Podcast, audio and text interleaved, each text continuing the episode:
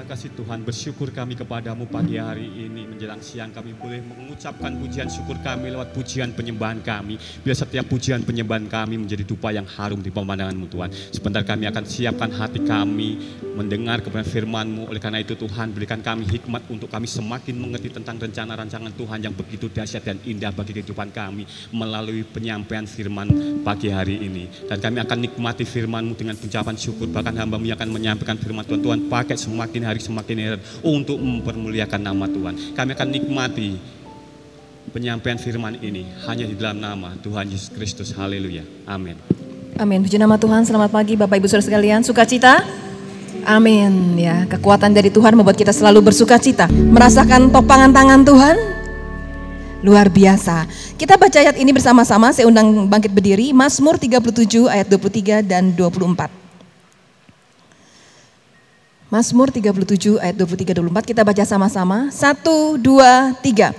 Tuhan menetapkan langkah-langkah orang yang hidupnya berkenan kepadanya.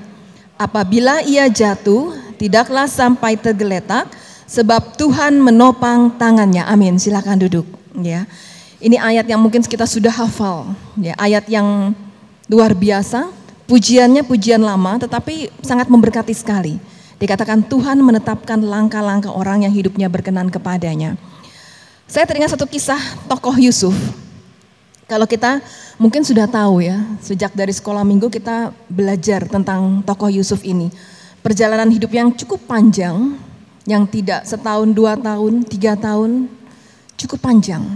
Dia harus mengalami satu hal yang mungkin secara manusia tidak menyenangkan, tidak mengenakan.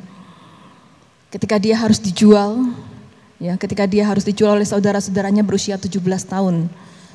Kemudian mengalami perjalanan yang cukup panjang. Di rumah Potifar dia harus uh, difitnah, akhirnya masuk penjara. Gak ada yang enak namanya masuk penjara. Kemudian dalam perjalanan kehidupannya ketika dia 28 tahun, dia menjelaskan mimpi, juru roti dan juru minuman. Pikirnya setelah itu selesai. Enggak, ya masih ada perjalanan lagi. Lalu akhirnya ketika dia berumur 30 tahun, ia menjadi pejabat tinggi di Mesir. Perjalanannya cukup panjang, tidak setahun, tidak dua tahun ya. Kalau secara logikanya manusia itu perjalanan Yusuf kalau kita lihat kayaknya nggak enak, nggak nyaman ya. Apa enaknya sih dihianati oleh saudaranya sendiri? Mungkin hal yang paling menyakitkan adalah ketika kita dihianati saudara kita sendiri, orang yang terdekat dengan kita, ya orang yang betul-betul keluarga dengan kita mengkhianati kita, dijual oleh saudara-saudara sendiri. Itu hal yang tidak menyenangkan, pasti ada kepahitan. Harusnya ya, seperti itu. Tetapi kita lihat bagaimana Yusuf dalam kondisi apa pun, dalam ketika Tuhan sudah menetapkan hidup ya, langkah-langkah kaki Yusuf, Yusuf menjalani itu dengan prosesnya Tuhan. Ketika Tuhan menetapkan langkah-langkah kaki orang, di dalam penetapan Tuhan itu ada proses yang Tuhan berikan tidak nyaman mungkin secara manusia, tetapi itu proses yang Tuhan berikan ketika dia menetapkan langkah orang. Tetapi dikatakan jangan takut, Tuhan menopang, ada Tuhan bersama-sama dengan dia. Itu pun yang dialami oleh Yusuf. Ketika dia mengalami hal-hal yang tidak mengenakan secara daging, secara manusia, harusnya ada kepahitan, harus ada kebencian dalam kehidupannya. Tetapi dalam melewati proses itu, Yusuf melakukan yang terbaik. Ketika dia berada di rumah Potifar, dia bekerja dengan baik Ketika dia di dalam penjara, dia diberikan kepercayaan. Dia pun menjalaninya dengan baik. Bahkan ketika dia diangkat menjadi seseorang yang memiliki jabatan penting di Mesir, dia pun jujur, dia lakukan yang terbaik. Dan ketika saudara-saudaranya datang untuk minta bantuan karena ada krisis yang terjadi, apa yang dikatakan Yusuf kepada saudara-saudaranya? Kita akan baca dalam kejadian 45 ayat 5 sampai 8. Kejadian 45 ayat yang 5 sampai ke 8.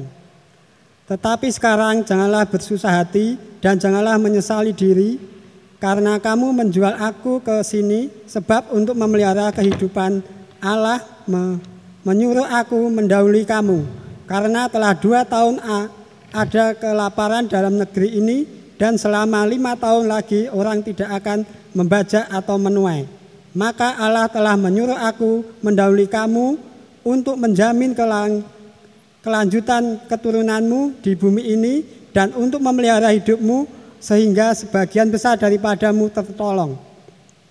Jadi bukanlah kamu yang menyuruh aku ke sini, tetapi Allah dialah yang telah menempatkan aku sebagai bapa bagi Fir'aun dan tuan atas seluruh istananya dan sebagai kuasa atas seluruh tanah Mesir. Ya, jadi apa yang dikatakan oleh Yusuf ketika dia bertemu dengan saudara-saudaranya, dia tidak marah-marah kepada saudaranya, dia tidak menghakimi saudaranya, dikatakan, maka Allah telah menyuruh aku mendahului kamu untuk menjamin kelanjutan keturunanmu. Yesus tahu dalam setiap proses yang dialami, Tuhan sudah menetapkan langkah kakinya. Dikatakan bahwa itu Tuhan yang suruh mendahului kamu, walaupun dengan proses yang mungkin tidak mengenakan dan tidak menyenangkan secara manusia. Lalu dikatakan, jadi bukanlah kamu yang menyuruh aku ke sini, tetapi Allah.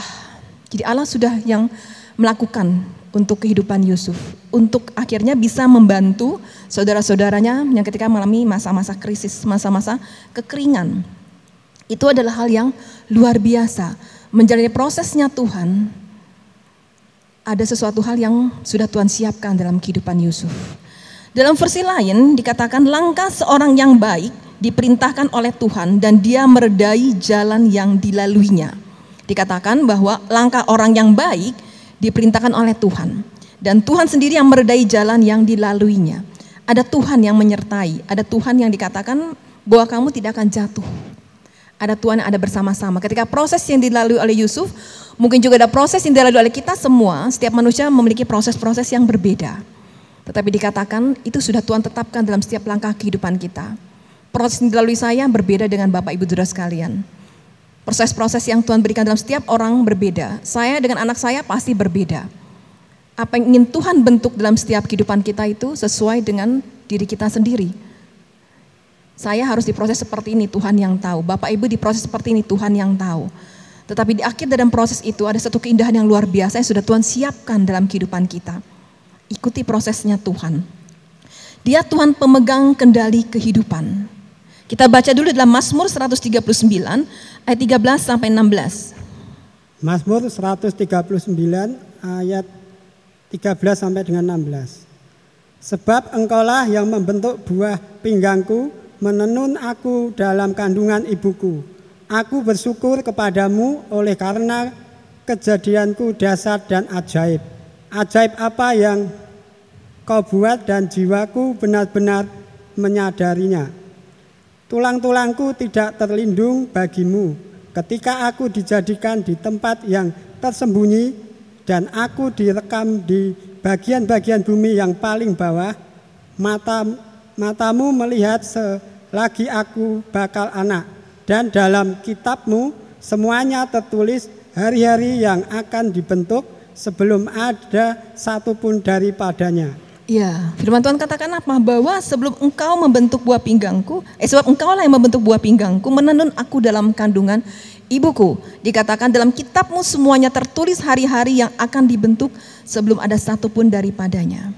Ya, jadi Tuhan sudah punya rancangan yang terindah dalam setiap kehidupan kita. Manusia boleh melakukan apa pun saja. Ya, manusia diberi satu kehendak bebas untuk bisa memilih mana yang mau kita pilih. Tetapi dalam pemilihan itu sering kali manusia itu egois, mau enaknya sendiri, mau yang lebih menyenangkan, mau yang gampangnya sendiri. Tetapi kada kita sebagai anak Tuhan, ketika Tuhan memproses dan kita menyerahkan hidup kita ke dalam tangan Tuhan, ada hal-hal yang akan Tuhan tetapkan dalam kehidupan kita. Ada otoritas Tuhan yang akan Tuhan nyatakan dalam kehidupan kita. Mungkin satu kondisi ketika dalam kondisi kita enak, nyaman ya, Tuhan kasih sesuatu hal, kalau Tuhan lihat itu tidak betul, Tuhan bisa putar balikan. Kesuksesan kita bisa menjadi kegagalan. Bapak Gembala pernah menyampaikan ketika dia diundang untuk satu acara ucapan syukur, ucapan syukur itu bukan untuk kesuksesan, keberhasilan, tetapi ucapan syukur karena mengalami kebangkrutan. Kenapa? Karena orang ini menyadari Ketika dia di tengah kesuksesan, dia mulai menyimpang dari jalan Tuhan. Dia mulai menjauh daripada Tuhan. Dan Tuhan tidak ingin itu terjadi. Tuhan baik. Mengalami masa-masa yang tidak enak. Diproses oleh Tuhan. Mengalami kebangkrutan. Supaya orang ini kembali lagi kepada Tuhan. Mengandalkan Tuhan. Bukan mengandalkan kekayaannya. Bukan mengandalkan kesuksesannya. Jadi Tuhan sudah menetapkan setiap langkah-langkah kaki hidup kita. Tinggal kita mau nurut gak sama Tuhan. Ya Tuhan sudah berikan kita kebebasan Tetapi mari kebebasan yang Tuhan berikan kita lakukan untuk yang terbaik. Bersyukur ya kalau Tuhan sudah menegur kita. Ketika kita mulai menyimpang dari jalannya Tuhan, Tuhan tegur kita. Bangsa Israel mengalami banyak sekali teguran Tuhan. Bangsa Israel adalah bangsa kesayangan Tuhan. Walaupun bangsa kesayangan Tuhan, Tuhan tidak uh, memanja-manjakan bangsa Israel. Ketika bangsa kesayangan itu mulai menyimpang dari jalan hidupnya, ketika bangsa itu mulai tidak taat sama Tuhan, mulai mengkhianati Tuhan, Tuhan bentuk, Tuhan proses, mengalami hal-hal yang tidak menyenangkan, mengalami penjajahan, bahkan sampai dibuang menjadi orang buangan, menjadi orang tawanan. Itu yang dialami bangsa Israel. Kenapa? Bukan karena Tuhan tidak sayang. Karena Tuhan sayang kepada bangsa Israel, umat kesayangannya itu. Tuhan ingin bangsa Israel itu kembali. Demikian juga dalam setiap kehidupan kita. Apakah artinya ketika Tuhan menetapkan langkah-langkah orang yang berkenan kepadanya, dia memberikan rambu-rambu. Ada aturan-aturan yang Tuhan berikan dalam setiap kehidupan kita. Supaya jalan kita nggak menyimpang, supaya kita jalan kita terarah sesuai dengan tujuan kita. Pertolongan Tuhan itu tepat pada waktunya. Jangan khawatir. Jadi lewat kebenaran firman Tuhan yang mungkin kita sudah pelajari sekian lama bertahun-tahun, mungkin sejak kita masih sekolah minggu, kita masih kecil, kita belajar banyak firman Tuhan, itu banyak rambu-rambu yang Tuhan berikan. Banyak ajaran-ajaran yang Tuhan berikan, banyak perintah-perintah yang Tuhan berikan. Bahkan ada larangan-larangan di mana kita nggak boleh lakukan hal itu. Jadi Tuhan itu luar biasa. Ketika dia bangkit naik ke surga, dia siapkan roh kudus menjadi penolong kita. Karena Tuhan tahu Kondisi dunia tidak semakin baik, kondisi dunia semakin jahat. Banyak hal yang akan bisa menghancurkan kehidupan manusia. Maka Tuhan berikan kuasa roh kudus ya, untuk menolong kita, memimpin langkah kaki kita. Mengingatkan kita kalau kita mulai menyimpang. Jadi jangan langgar rambu-rambunya Tuhan. Manusia sering kali melanggar rambu-rambunya Tuhan. Tahu itu salah, tahu itu nggak benar, tahu itu melanggar firman Tuhan, tetapi dilanggar, nekat, ya, nekat. Untuk menghindari salah jalan, ikuti pimpinannya Tuhan. Ada satu cerita, eh, kita baca ayat dulu aja, Mas Amsal 3 ayat 5 sampai 8. Amsal 3 ayat 5 sampai 6. Amsal 3 ayat 5 sampai dengan 6. Percayalah kepada Tuhan dengan segenap hatimu dan janganlah bersandar kepada pengertianmu sendiri. Akuilah dia dalam segala lakumu, maka ia akan meluruskan jalanmu. Ya, percayalah Tuhan dengan segenap hatimu.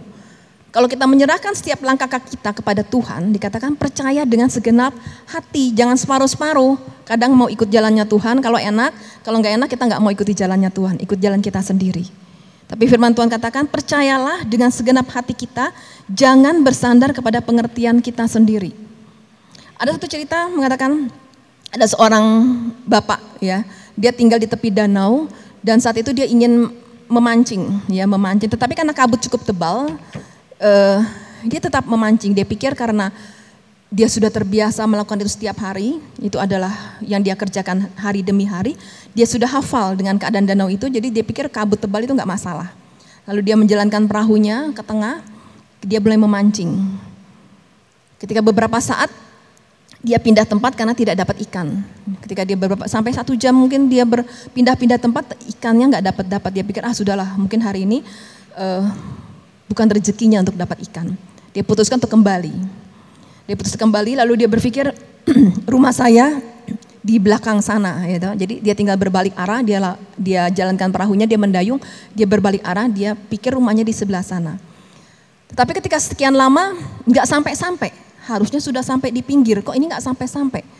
Kemudian dia mulai terasa rasanya dia berputar-putar di danau itu tidak kembali kepada tujuan. Awalnya dia pikir saya sudah hafal dengan danau ini, itu adalah kehidupannya sehari-hari, sudah sekian tahun, bertahun-tahun dia mendayung mencari ikan di danau itu. Kenapa kok bisa salah arah? Lalu dia teringat ya ayat ini. Jangan bersandar kepada pengertianmu sendiri. Lalu dia mulai ngambil kompas. Dia pakai kompas supaya dia bisa kembali ke rumahnya tanpa salah arah. Itulah yang sering kali dilakukan manusia.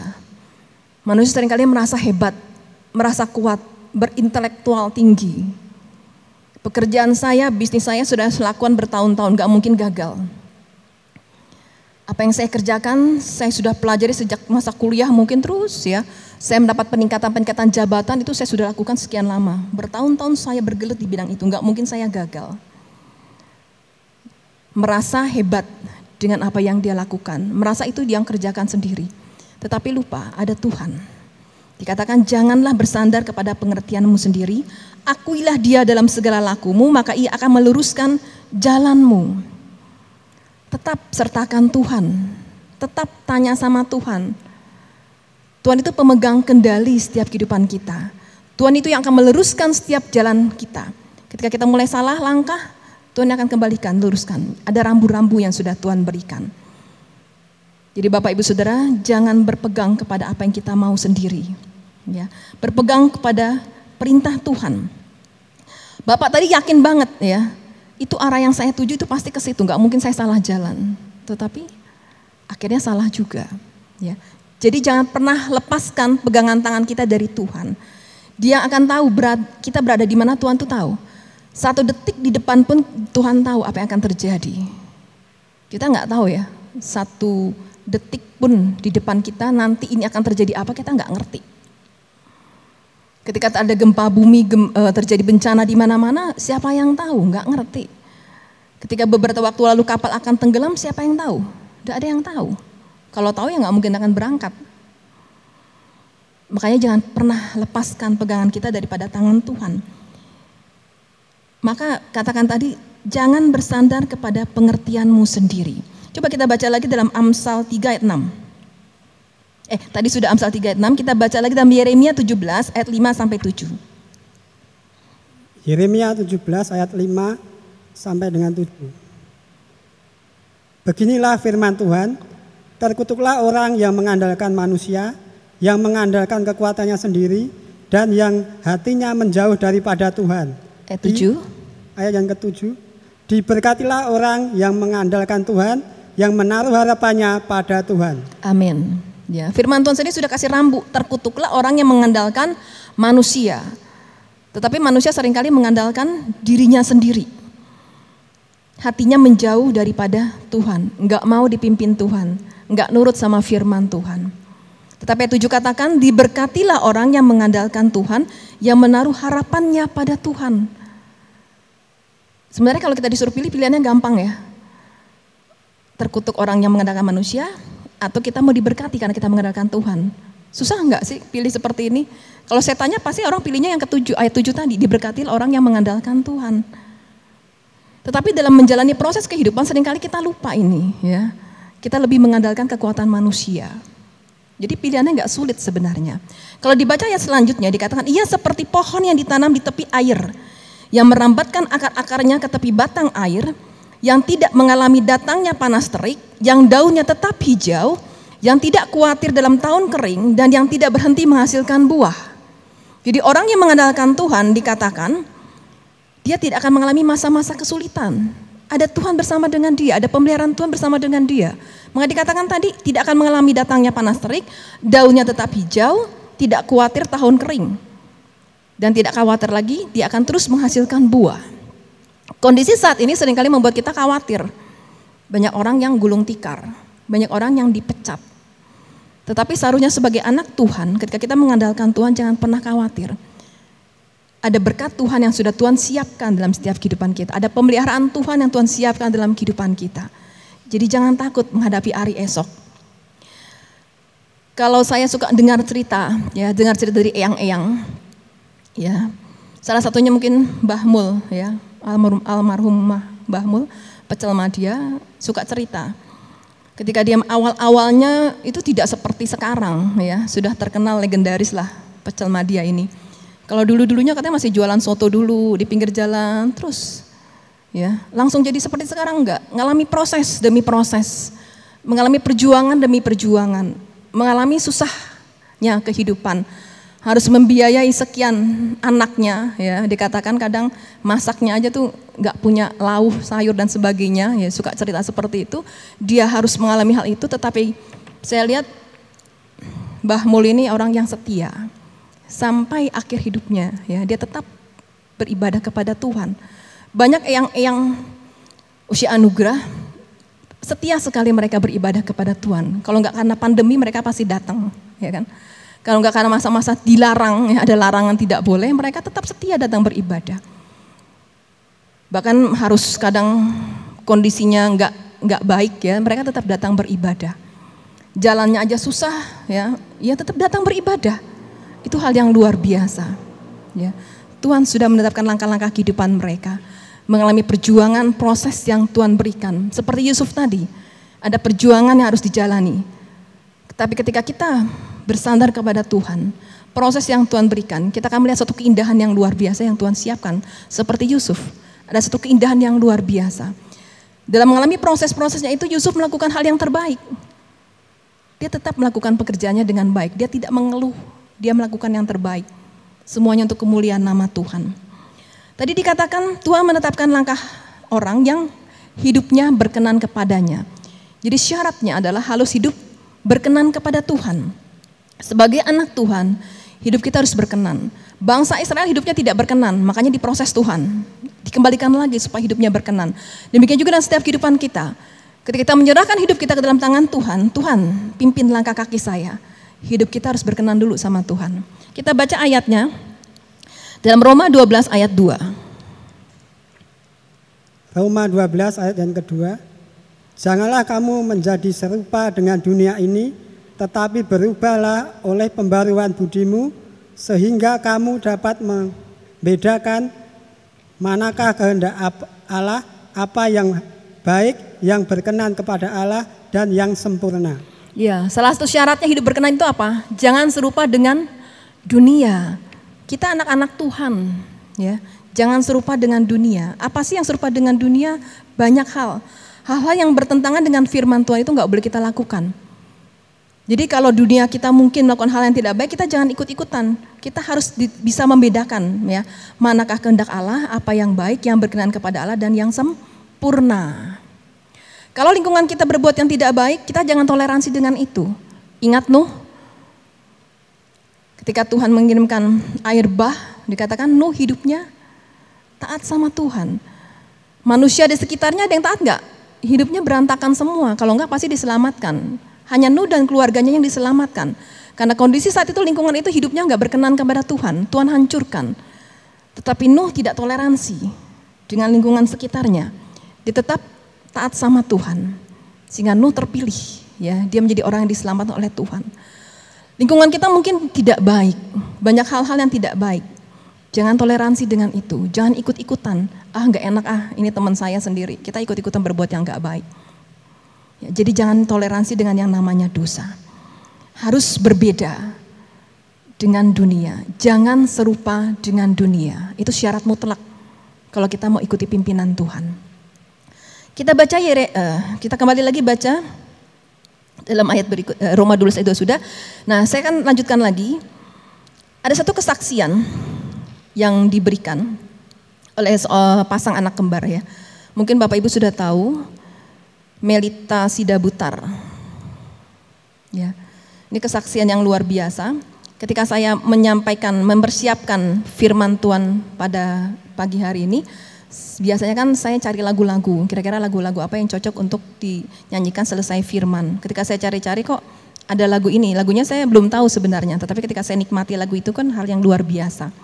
Bisa ditampilkan slide-nya. Dikatakan saat ku berjalan, kasihmu menerangi langkahku. Tak ku takut, tak ku bimbang karena ku tahu kau bersamaku. Ya, ayat ini uh, luar biasa ya karena di balik ayat ini ada satu kesaksian yang diberikan oleh seorang gadis berusia 20 tahun sekarang ya dia katakan bahwa ketika mengalami hal-hal yang tidak menyenangkan saudara kembarnya meninggal pada bulan Desember kemarin, itu hal yang tidak menyenangkan bagi dia. Tetapi dia belajar di sini, lewat pujian yang dia sampaikan, dia belajar. Satu hal dalam kesaksiannya dikatakan bahwa Tuhan Yesus baik. Titik. Ya, ada kata titiknya dia bilang, Tuhan Yesus baik titik. Seringkali kita katakan Tuhan Yesus baik itu karena situasi saya sedang baik. Tuhan Yesus baik itu kalau saya sukses. Tuhan Yesus baik itu kalau saya diberi kesehatan. Tuhan Yesus baik itu kalau anak-anak saya berhasil. Tuhan Yesus baik itu kalau saya punya ketenaran. Lalu dalam kesaksian dikatakan bukan karena itu. Tuhan Yesus baik titik. Tuhan Yesus baik bukan karena kondisi dan keadaan. Apa pun yang kita alami, Tuhan Yesus tetap baik. Lalu sempat dia sampaikan juga ada satu perkataan dari saudara kembar yang sudah meninggal dikatakan seperti ini. Apa sih goal kita hidup di dunia? Goal kita hidup di dunia bukan kesuksesan.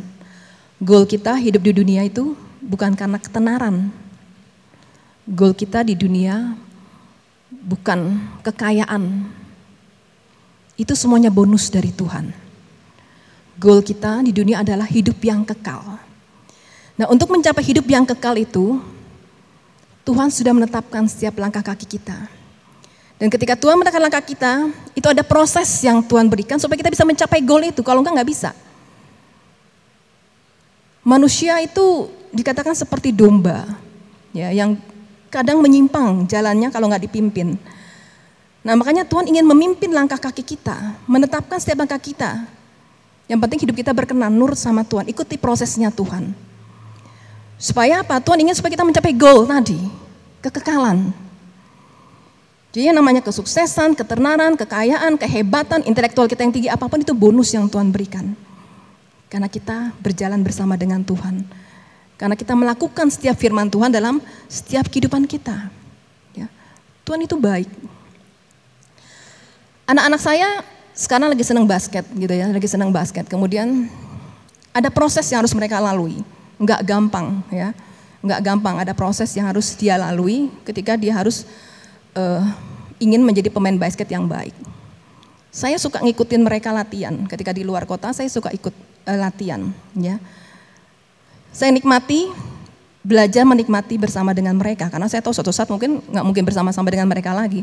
Mungkin mereka ada di luar kota, mungkin mereka nanti akan bekerja di mana ya. Jadi saya nikmati semasa saya masih bisa uh, bersama anak-anak gitu ya. Jadi ketika mereka latihan, saya ada waktu, saya nganter saya bisa aja suruh staff saya nganter gitu ya ketika latihan di luar kota. Tapi selama kami bisa nganter, kami nganter. Dua jam lebih, kurang lebih mereka latihan. Bisa saja selama latihan saya jalan-jalan aja sama Om Agus ke Mongol ke mana gitu ya. Sambil nunggu dua jam kan lama. Tapi enggak, saya lebih nikmati melihat mereka latihan. Saya lebih nikmati melihat mereka uh, mengalami proses-proses ya dilatih ya. Mengalami hal-hal ketika kalau pemanasan itu sering kali mereka harus ditekuk sana, ditekuk sini kakinya supaya lemas dan sebagainya. Karena kakinya kaku-kaku, mereka sering kali teriak-teriak kesakitan gitu ya. Ya saya nikmati saja, ya belajar menikmati. Walaupun saya rasa nggak tega juga yang ngeliat anak-anak teriak-teriak gitu sakit. Tapi kan dilakukan oleh orang yang ahli. Itu kan untuk prosesnya mereka, untuk kebaikan mereka juga. Ya jadi itu proses yang mereka lalui supaya apa? Supaya mereka mencapai ya tujuan mereka dalam uh, basket ya supaya dapat menjadi pemain yang luar biasa. Itu proses yang harus dilalui mereka. Demikian juga dalam setiap kehidupan kita, ada proses yang Tuhan berikan dalam kehidupan kita. Mungkin proses itu sering kali menyakitkan, tidak mengenakan. Tapi kita kita lalui bersama-sama dengan Tuhan, dikatakan apa? Tuhan tidak akan membiarkan kita jatuh, tergeletak. Dia ada ada bersama dengan kita. Kita baca satu ayat terakhir. Yesaya 41 ayat 13. Yesaya 41 ayat dan ke-13. Sebab aku ini Tuhan Allahmu memegang tangan kananmu dan berkata kepadamu, janganlah takut, akulah yang menolong engkau. Amin. Dikatakan aku ini Tuhan Allahmu yang memegang tangan kananmu. Jadi kalau sudah Tuhan yang memegang tangan kita, kita mau takut apa lagi? Seorang anak kecil ketika dipegang tangannya oleh orang tuanya, dia merasa aman, nyaman. Dia mengandalkan orang tuanya dia bersama dengan dia. Nah sekarang Tuhan sudah janji, aku ini Tuhan Allahmu yang memegang tangan kananmu. Lalu kenapa kita harus takut? Ya. Kalau sudah tangan yang berkuasa itu memegang tangan kita itu wah luar biasa sekali. Lalu Tuhan ingatkan lagi, jangan takut, aku yang menolong engkau. Semakin lagi teguhkan oleh Tuhan, Tuhan sudah pegang tangan kananmu loh. Jangan takut, Tuhan akan menolong kita. Jadi apa yang harus kita khawatirkan lagi? Jalani setiap prosesnya Tuhan. Ikuti setiap langkah kaki Tuhan Jangan menyimpang. Hidup berkenan kepada Tuhan. Maka kita akan mencapai goal kita. Hidup yang kekal. Kita akan mendengarkan pujian ini. Yang dinyanyikan oleh Ibu Silvi. Kita akan nikmati pujian ini, bila pujian ini bisa menjadi rema dalam kehidupan kita. Saat ku berjalan, dikatakan kasihmu menerangi langkahku. Takkan ku takut, takkan ku bimbang, karena ku tahu kau bersama Tuhan. Ada Tuhan bersama kita, jangan takut, jangan bimbang. Dia tahu yang terbaik bagi kita, dia yang sanggup pulihkan hidup kita. Yesus penolong yang setia. Ibu Silvi bawa dalam doa. Terima kasih Tuhan Yesus. Engkaulah satu-satunya penolong dalam kehidupan kami. Bawa kami Tuhan untuk lebih lagi mengenal Engkau. Supaya kami boleh mengerti jalan-jalanmu, rencanamu dan rancanganmu yang indah dalam kehidupan kami. Setiap proses yang harus kami lewati, setiap badai hidup yang harus kami lewati, kami tahu Tuhan, Engkau izinkan itu supaya kami bertumbuh dan kami kuat di dalam Engkau. Terima kasih Bapa. Terima kasih untuk firman Tuhan yang sudah kami dengar pagi hari ini. Kami mau terima firman itu dan ajar kami untuk melakukannya dalam kehidupan kami. Berkati hambamu Ibu Gembala yang sudah memberitakan firman Tuhan. Engkau pakai hambamu lebih lagi Tuhan. Urapan Tuhan ada atas hambamu. Dan setiap perkataan-perkataan yang keluar dari mulutnya boleh membangun kami jemaatmu. Terima kasih Tuhan, kami mengucap syukur di dalam nama Tuhan Yesus Kristus. Haleluya. Amin.